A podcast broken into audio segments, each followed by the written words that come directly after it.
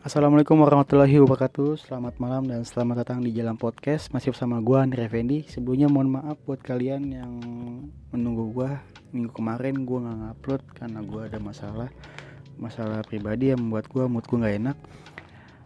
Dan sekarang gue ngupload. Bagaimana kabar kalian? Semoga kalian sehat selalu. Di mana kalian berada? Semoga selalu berpikir positif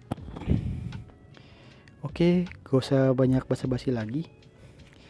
Episode hari ini gue akan bahas gue ojol. Kenapa gue bahas gue ojol? Karena gue akan menceritakan pengalaman gue dari awal ojol sampai akhir sampai saat ini.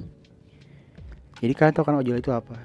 Kalau menurut itu ojol itu adalah uh, aplikasi ojek uh, aplikasi online yang bisa membuat kita mempermudah hidup kita yang bisa mengantarkan penumpang, mengantar menjemput penumpang dan bisa mengantarkan paket, menjemput paket dan bisa mengantarkan makanan untuk kalian. Tuh, ojek online tuh yang modern lah. Kan kalau zaman dulu kan jangan juga adanya ojek doang. Ya saat ini bisa dibilang opang, ojek pangkalan. Yang bisanya bisanya dia stay di satu suatu pangkalan dan dia bisa ngantar ke mana saja. Nah kalau ini kalau ojol ini bisa ke mana aja. Kita bisa bisa kita di rumah tadi yang antar dia yang jemput gitu loh. Lebih modern lebih praktis dan lebih menguntungkan. Jadi selama ini gue jadi ojol itu temen-temen gue kayak agak berterima kasih selama ojol-ojol. Karena selama saat ini uh, merasakan kemudahan adanya ojol dan gue pun juga cukup kayak merasakan ya makasih lu telah menghargai ojol-ojol yang lain. Dan gue pun juga kayak sangat seneng gitu. Dan awal gue jadi ojol itu bermula dari gue keluar dari pekerjaan gue waktu penjaga di minimarket. Dan gue punya motor baru baru lunas langsung lah.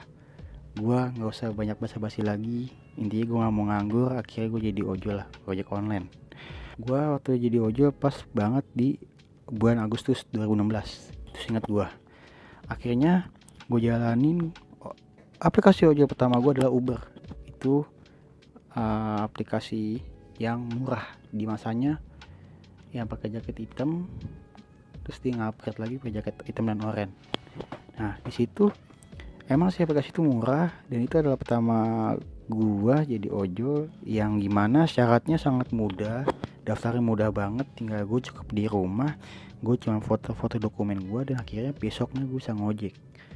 Saat itu emang gue belum ngerti gue kayak gue belum punya temen buat daftar uh, buat lebih kepo lagi gue punya temen buat gimana sih nanya itu belum tahu. Akhirnya gue belajar PD aja gue PD gue lihat ada video-video training gitu gue perhatiin gue perhatiin.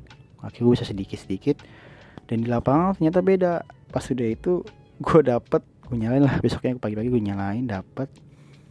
Pas gue dapet tuh gue kayak agak bingung kayak agak norak gitu.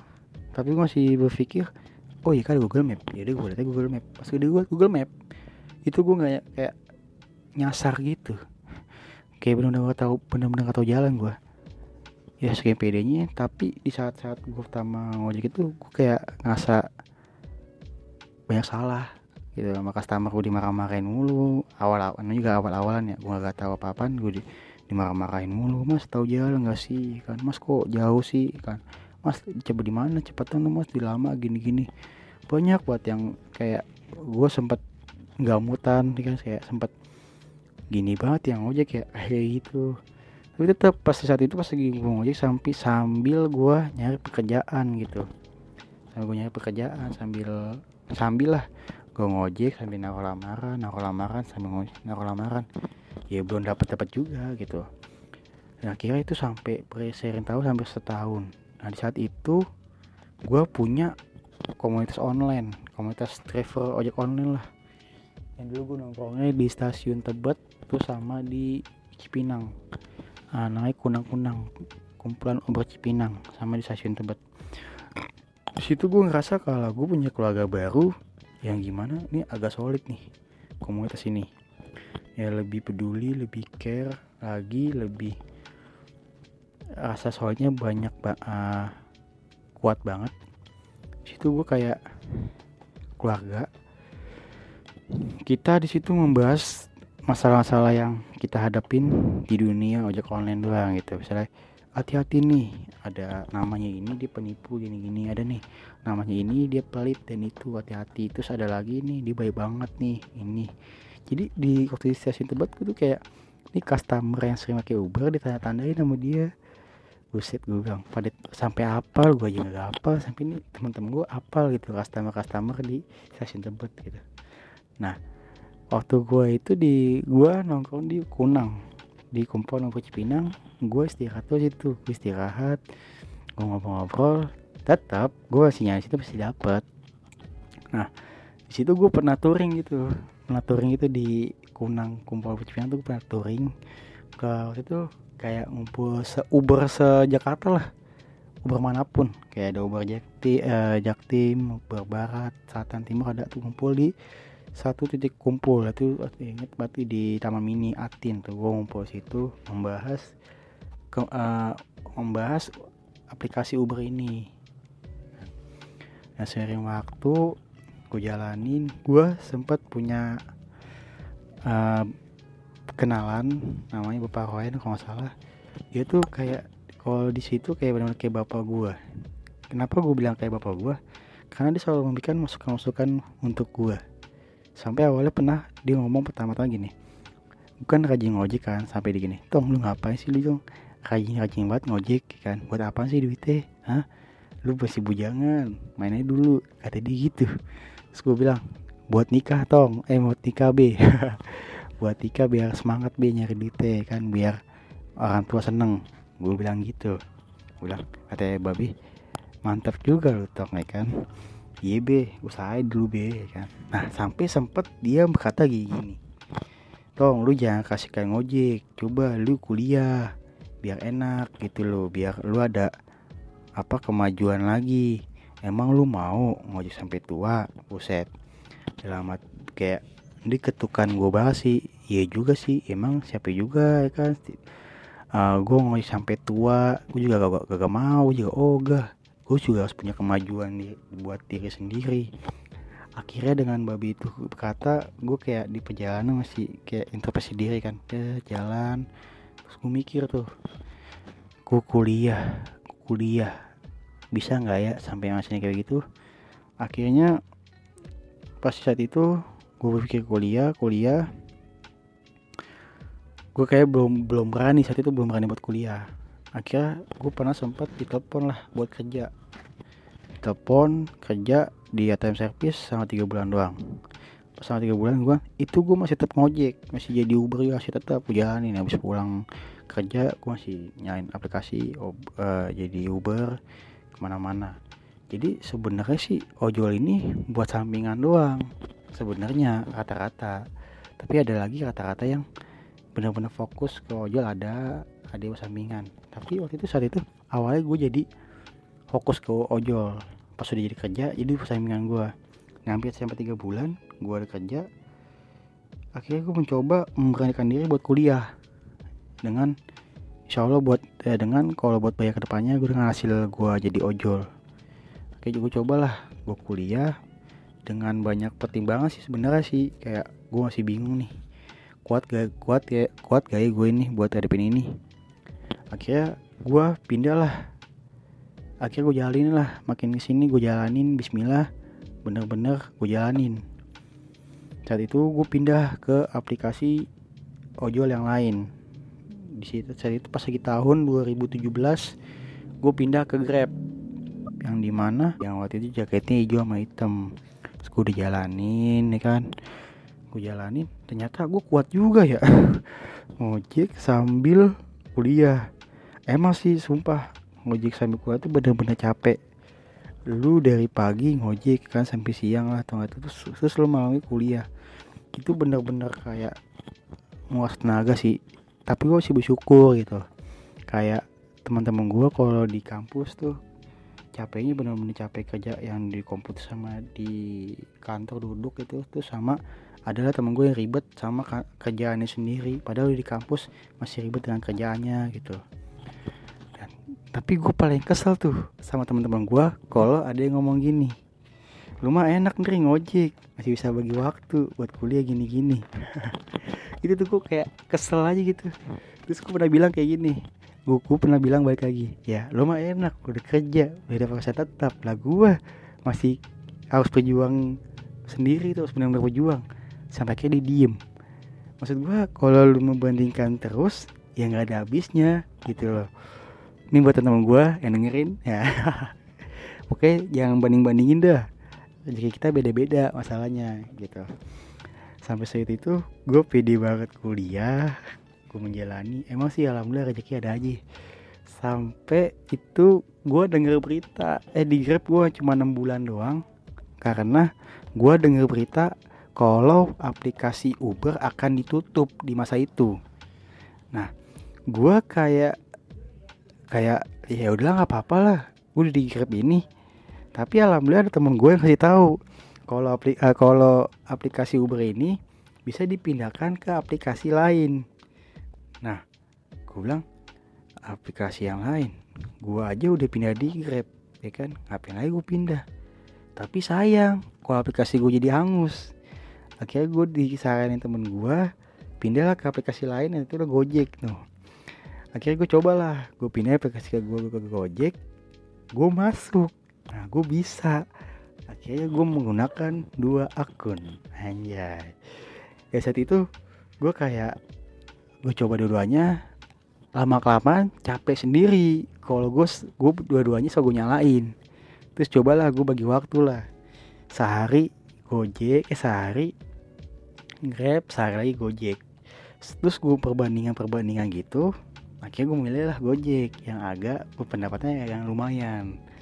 Seiring waktu Grab gue kena suspend. Karena waktu itu gue ngerasa eh gue disuruh disuruh training gue nggak datang akhirnya gue suspend. Ya guys kalau sekarang sekarang ini gue gue balikin akun kayak gue bisa sih. Tapi ya gue lagi harus di Gojek dulu dah. Dan saat itu itu cuma di Grab setengah tahun doang itu pas gitu di 2017 awal uh, pertengahan akhirnya gue jadi di Gojek. Di Gojek sampai saat ini. Dan di Gojek ini gue merasa kayak udah agak pro aja maksud gue udah agak pro nih kayak alhamdulillah gue udah ada tahu jalan udah tahu aplikasi ojek online.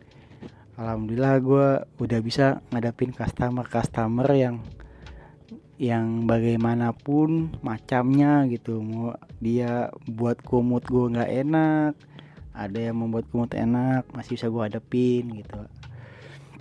Gitu tapi ada aja sih. Pokoknya kalau setiap gue ngojek itu adalah saat sehari satu orang yang ngeselin. Ada tuh customer yang bikin gondok yang bikin gedek. Sehari ada pasti. Atau tanggal dua pasti ada ntar lah entah gue bakal bahas lah podcast pod, uh, apa episode tentang customer yang ngeselin dan customer yang baik lah. Pokoknya itu gue bakal bahas lah. Mungkin gue bahas sendiri lagi atau gue bisa bahas amat teman-teman gue yang ojol gitu lah nah di situ gue merasakan kayak gue udah bisa ngadepin apa pun yang terjadi kan.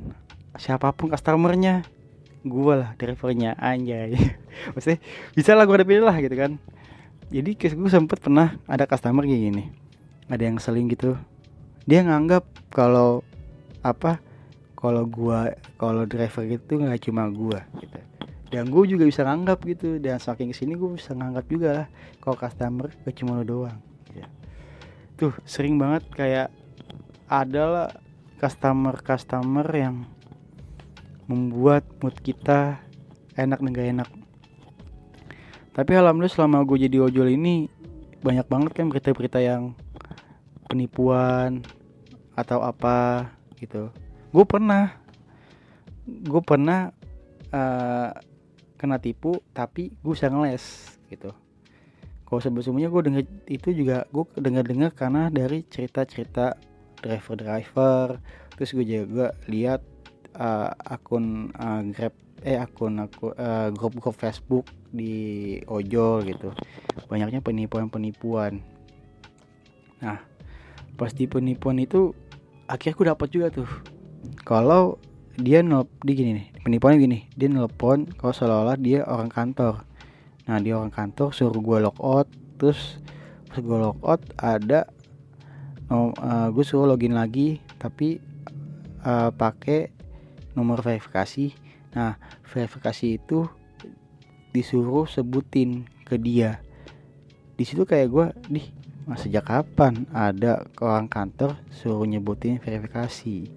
Sedangkan gue tahu itu di berita lagi booming boomingnya di masa itu ya kan. Gue kayak ya yeah, lu mau bohongin gue lu. Gue udah tahu nih dari berita-berita nih. Akhirnya gue iseng-isengin tuh gue iseng-isengin tuh si penipu tuh gue iseng-isengin gue buang-buangin pulsa dia tuh kan. Wah, mampus lo gue puter-puter. Oh iya iya iya. Oh, oh, oh kan. Saya sampai setengah jam lewat tuh. Tapi gue akuin ini di pulsa habis nggak ada habis sih. Gue bilang kuat juga nih orang. Tapi tetep aja kan dia nelpon gue panjang panjangin sampai di BT akhirnya dia cancel sendiri sama dia.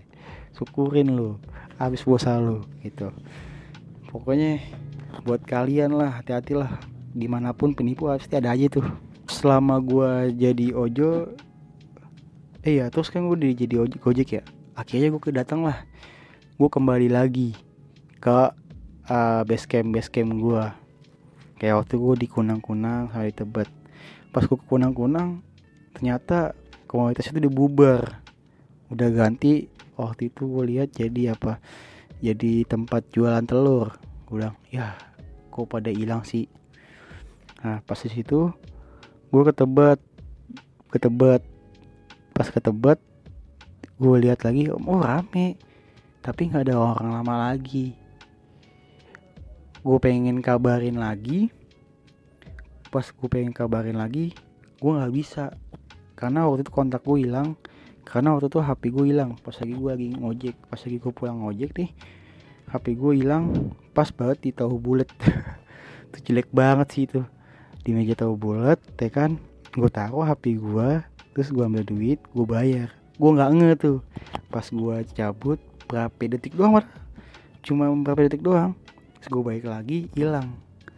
Itu kontak kontak kontak apa teman-teman komunitas ojol gue hilang di situ.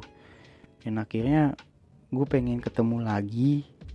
Kemarin-kemarin tuh pengen ketemu lagi pengen apa menyapa lagi pengen minta nomor lagi pengen ngumpul lagi. Ternyata kagak ada. Pada bubar semua. Sekali itu pas lagi gue tempat-tempat yang kemarin gue tongkrongin itu orangnya udah beda. Orang-orang baru semua. Gue bilang nih orang lama ke mana? Apakah udah pada nggak mau udah pada nggak ngojek lagi kah? Apakah udah ada kerjaan lagi lah? Menurut sih alhamdulillah. Gitu loh oke lah pas itu yaudah gue mencoba lah jadi single factor lah saya gue jadi solo lah ya. Gak ada komunitas gak ada apa-apaan. Sampai saat ini gue jalanin dengan sendirinya.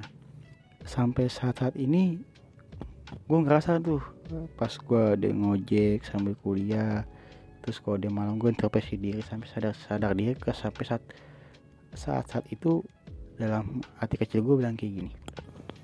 Andri lu mau sampai kapan? Ngojek mulu. Lu udah lama deh ngojek.